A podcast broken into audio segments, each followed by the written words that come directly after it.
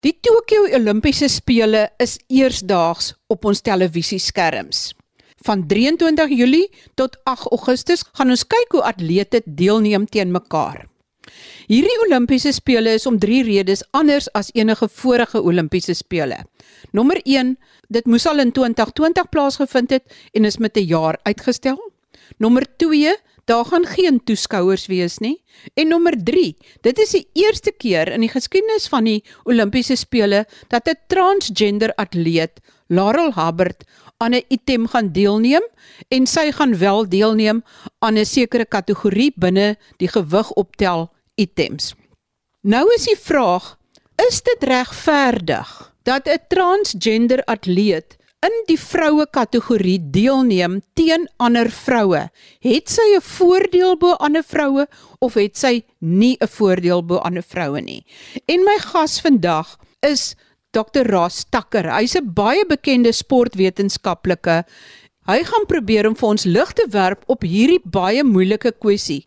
Want op die ou einde is die vraag Wat is wetenskaplik korrek en aanvaarbaar en wat is polities korrek en aanvaarbaar? Want die twee kan nie op dieselfde bladsy geskryf word nie. Dokter Takker, kom ons vergeet vir eers van transgender. Kom ons sê, waarom is daar twee kategorieë, mans en vroue? So in sport, I think everyone would appreciate that there are differences between men and women in terms of performance and those differences are so large that if we didn't have a category for women, and it needs to obviously be protected and closed so that only women participate in it, sport would lose its meaning for them. And the reason I say that is that the differences between the best males and the best females, so let's take the 100 meters, for instance, at the Tokyo Olympics, we'll crown a men's 100 meter champion and a women's 100 meter champion. And we do that because we recognize that they are equal and both worthy of gold medals, but they are different. And they're different to the extent of about 10 to 12%, which means that the men's champion will run 100 meters about 10 or 11% faster than the women's champion. That's the same as the difference you'll see in the swimming pool in Tokyo. The best 200 meter freestyler for men will be 10 to 12% faster than the best freestyler for females. When we look at some other events where upper body strength is important, the differences are even larger. So, in weightlifting, for instance, even when you look within the same weight category, the men are lifting between 30 and 40% heavier than the, than the women are. So those differences are enormous and they necessitate that a separate category exist for women. As I said, if, if you didn't have that separate category, women would basically disappear from sport because there are literally thousands, and that's not an exaggeration, there are thousands of men, males, who can outperform the best female. For instance, in the 100 meters again, the Olympic champion of 2016 is beaten every single year by about 2,000 men's performances. And that includes 15, 16 year old boys and includes 45 year old men. So the male advantage in sport is what creates the need for a protected category for women who don't have that advantage. And just a, a short word on categories there are many instances in sport where we have categories. Think about boxing. You have heavyweights, you have middleweights, and you have lightweights.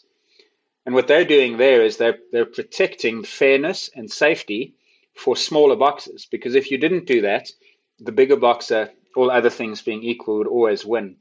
So categories are important in sport because they create integrity and fairness and safety. And the male female difference is the same. So The female category creates fairness and integrity for women athletes. Dr Takker is daar enige sport waar mans en vroue gelykwaardig te mekaar kan deelneem waar die man nie 'n biologiese voordeel bo die vrou het nie. At the Olympic Games the only one where there is performance equality or parity is equestrian events and so you'll see that is the one Olympic event where they award a single medal because there's no difference there between males and females. There are other sports where the difference might be smaller. So, for instance, shooting and archery.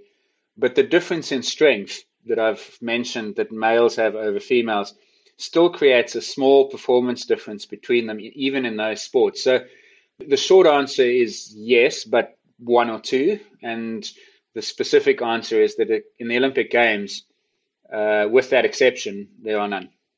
Dr Takker, wat is die hoofrede vir hierdie groot verskil in prestasie tussen 'n man en 'n vrou? So physiologically there are a number of drivers or factors that create performance differences. And so it's a, it's a little bit oversimplified to say it like this, but the primary driver, the, the main thing that causes that difference is the hormone testosterone. Uh, most people would have heard of testosterone. It's a hormone that belongs to a family of hormones called androgens. And the, the word androgen literally means male making.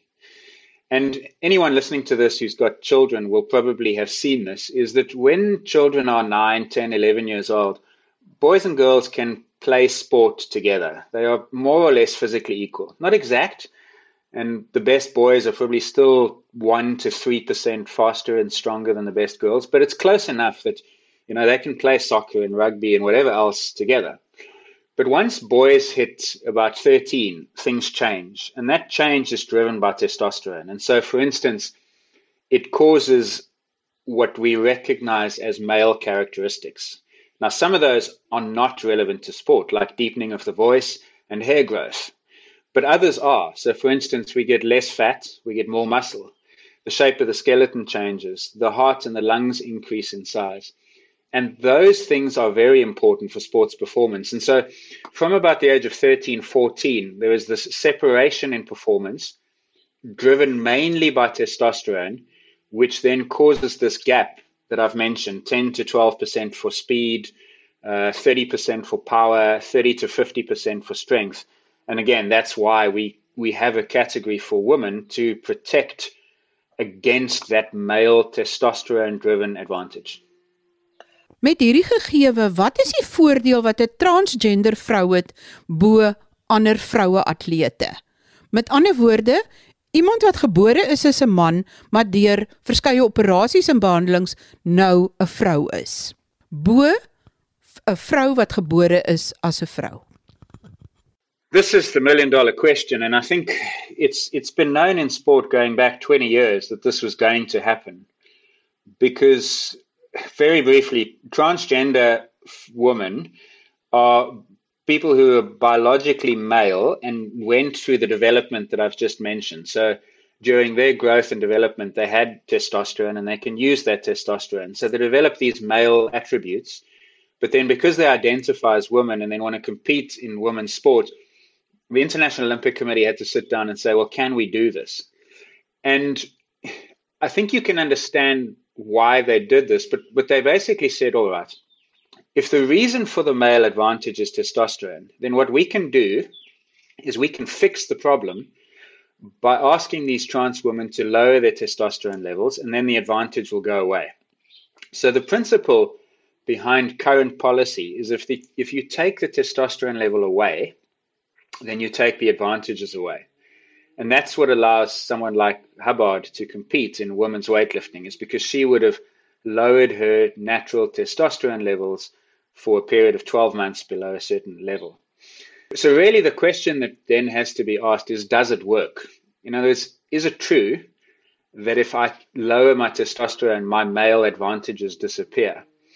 Now, this is where it gets a little bit complex because there are 13 studies that have been done in trans women measuring things like muscle mass, muscle strength, bone density. And in general, they find that lowering the testosterone removes only a small portion of that male difference. So, for instance, where males have 30% to 50% more strength, lowering testosterone only takes about 5 to 10% away lowering testosterone doesn't take away bone density and strength. Lowering testosterone doesn't take away muscle mass. It still leaves most of it behind. So the conclusion from those studies is that most of the male advantages, which occur as a result of testosterone, persist even after the testosterone is lowered. So I can't give you an exact answer because it's never been measured in in trans women athletes in terms of how large is the advantage. But but what we do know is that the, the original male advantage is only removed to a small degree by the lowering of testosterone, and therefore there must be significant retained advantages. And that's why this is controversial. Dink jy dit is regverdig teenoor ander vroue atlete dat 'n transgender atleet in dieselfde kategorie deelneem as hierdie ander vroue atlete? No, because unless you can show conclusively that you can take away all those male advantages, then a person who comes into the women's category from the male category is going to carry with them advantages that are unavailable to women. And that's really important. So, if the fundamental or the foundational premise here is that women's sport exists for performance integrity, fairness, and safety, then that category has to be protected. And you have to have a way to exclude people who don't belong in it. And allowing biological males in without absolutely convincingly showing that they have taken away all the male advantage means that women's sport is undermined. And so I, I can't see fairness. And of course, weightlifting is one thing, but in other sports, contact sports and combat sports, I also can't see safety. So my impression is that sports have got a number of responsibilities. One of them is fairness, one of them is safety. Then there's inclusion. It would be nice for sport to be inclusive and allow anyone to compete, but you can't make exceptions that compromise the other two. So at some point, sport has to choose. Does it want fairness, safety, or does it want inclusion? And again, you just ask the parallel. Would you allow would you allow a heavyweight to fight a, a lightweight if they didn't lose the weight? Well, of course not, because it violates the, the integrity of that lightweight category. So for me, the, the same is true here. Unless that biological male advantage is completely removed, and we know this beyond any doubt, I can't see how fairness can be guaranteed to women. Is dit dan 'n geval waar atletiekbase verkies om polities korrek te wees en insluitend te wees teenoor transgender mense as om regverdig te wees teenoor ander vroue atlete en na die wetenskap te luister? Yes, it is. Um and the ISC themselves when they had a meeting in 2015, one of the members of that medical commission actually is quoted as saying that we have to move with the times, we have to recognize the importance of inclusion and societal pressures. So there is an element of that, and it's not it's not necessarily a bad thing for sport to want to reflect broader society. So, you know, in a societal sense, people should be allowed to and respected for identifying as they wish. There's absolutely no problem with that. But in sport, what it does is it, it creates a colliding rights issue because person A's rights to identify as a woman, as a trans woman, collides with person B rights to compete in a closed category for women. So, so now all of a sudden you've got to weigh one thing up against another. So, the mistake I think, in my opinion, that sport made is that they try to balance them. They try to say, all right, we can achieve some inclusion, some fairness, but you can't. You can't balance these things because if you go for inclusion, you compromise fairness, and if you go for fairness, you can't have inclusion. So they, in a way, messed it up by trying to accommodate everyone, and ultimately, it wasn't fair on on biological females. Is daar al ander vroue atlete wat nou in opstand kom of rebelleer teenoor die feit dat transgender vroue wat nou beslis 'n voordeel bo hulle het, ook aan dieselfde item in dieselfde kategorie as hulle kan deelneem. There is now. It's one of the interesting things is 4 or 5 years ago when the situation was really the same. And I think most people who were involved in this area could see the situation developing. But the voice of women was left out of the conversation. Even when the IOC sat down to develop these guidelines, they had a group of men and a trans woman and there were literally, I'm not exaggerating, no biological females, no women on that panel to discuss it. And so I think they were marginalized from the discussion early on. But what's happened in the last two to three years, and it's definitely been noticeable, is that more and more groups and more and more advocates for women's rights have started to become involved in the discussion. And there are now numerous petitions to the IOC that are circulating, asking them, in fact, demanding that they change the policy. But one of the things that has been quite noticeable is that women are scared, especially the athletes. A paper came out about two weeks ago in England where a group of Olympic athletes had been surveyed anonymously. And almost all of them said that they've got strong opinions, but they will not express them because they're scared they lose sponsorships. They're scared of the public backlash. They're scared of the abuse that they'll receive for speaking up against it. And it's again, it's it's the situation where I think society wants to respect people's choices, but in sport, it's a domain where, as I said, you, you create this collision of rights, and people are very scared to talk about their rights because the, the backlash is, is so pronounced. It's a very unpleasant, emotive debate sometimes. So women are scared, but they are speaking. Wat is die oplossing of hoe moet die pad vorentoe lyk? This is an unsolvable problem if your solution needs to keep everyone happy. You can't do it. I just cannot see a solution that enables everyone here, and by everyone, we're talking trans women on the one side of the debate and biological females on the other. Unfortunately, the reality physiologically is that once testosterone has done its job, you can't unwind it. You can take away some of it, but you can't undo biology. And so I don't see that the advantages will ever be taken away. And so then it becomes less about balancing and trying to find compromise as it does about just making a decision. Sport has to decide is fairness its main priority or is inclusion the main priority? Now, if they go with inclusion, they're going to sacrifice fairness. And if they go with fairness, then you can't have inclusion. But I can't see what you can do to biology to change male physiology into female physiology. Maybe some events, like long distance running, for instance, where strength and power and muscle mass are not as important. It's more about endurance and fatigue resistance. Maybe sports like that will one day be able to be fully integrated and inclusive. Maybe sports like archery and shooting, where the male advantage is smaller, but in all other sports where this male advantage is large, I just cannot see how inclusion can coexist with fairness. And so sport has to make a courageous decision to choose one or the other. It's the only way to do this.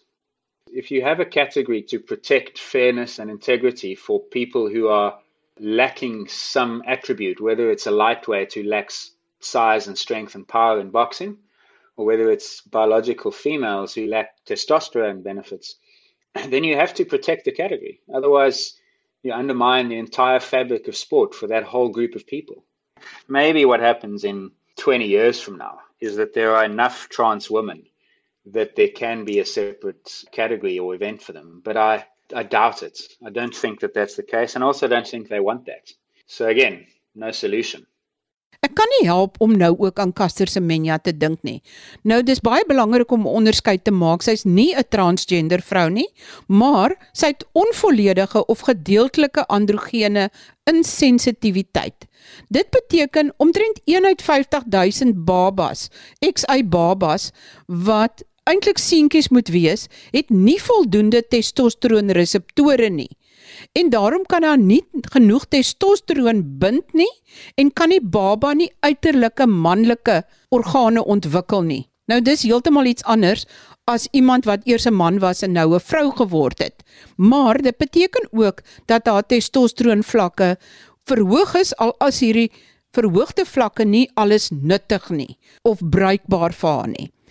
Maar Dit is interessant dat die atletiekbase besluit het dat in sekere items soos die 400 en die 800 moet sy haar testosteron vlakke verlaag om te mag deelneem, maar aan die 5000 meter en ander items is dit nie nodig dat sy dit hoef te verlaag nie.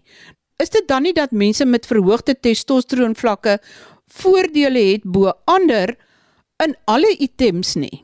It's interesting that the the policy for trans women like Lyle Hubbard is actually the same as the policy for athletes with DSDs like Caster Semenya, in the sense that the authorities are trying to fix the problem and take away the advantage by lowering the testosterone. So she's not, but the situation you've picked up on is the absurd outcome of a clumsy legal and scientific process because it is outrageous to think that the same person can be legal on a Friday because they're running in a 200 meter race and then illegal on a Saturday because they want to run a 400. We know that the difference between men and women is the same in those events. And so testosterone doesn't discriminate by event. That's the point. But they've got this really clumsy policy and it, it shares certain principles with the trans issue, but it also shares some important differences. It's important to not necessarily conflate the two.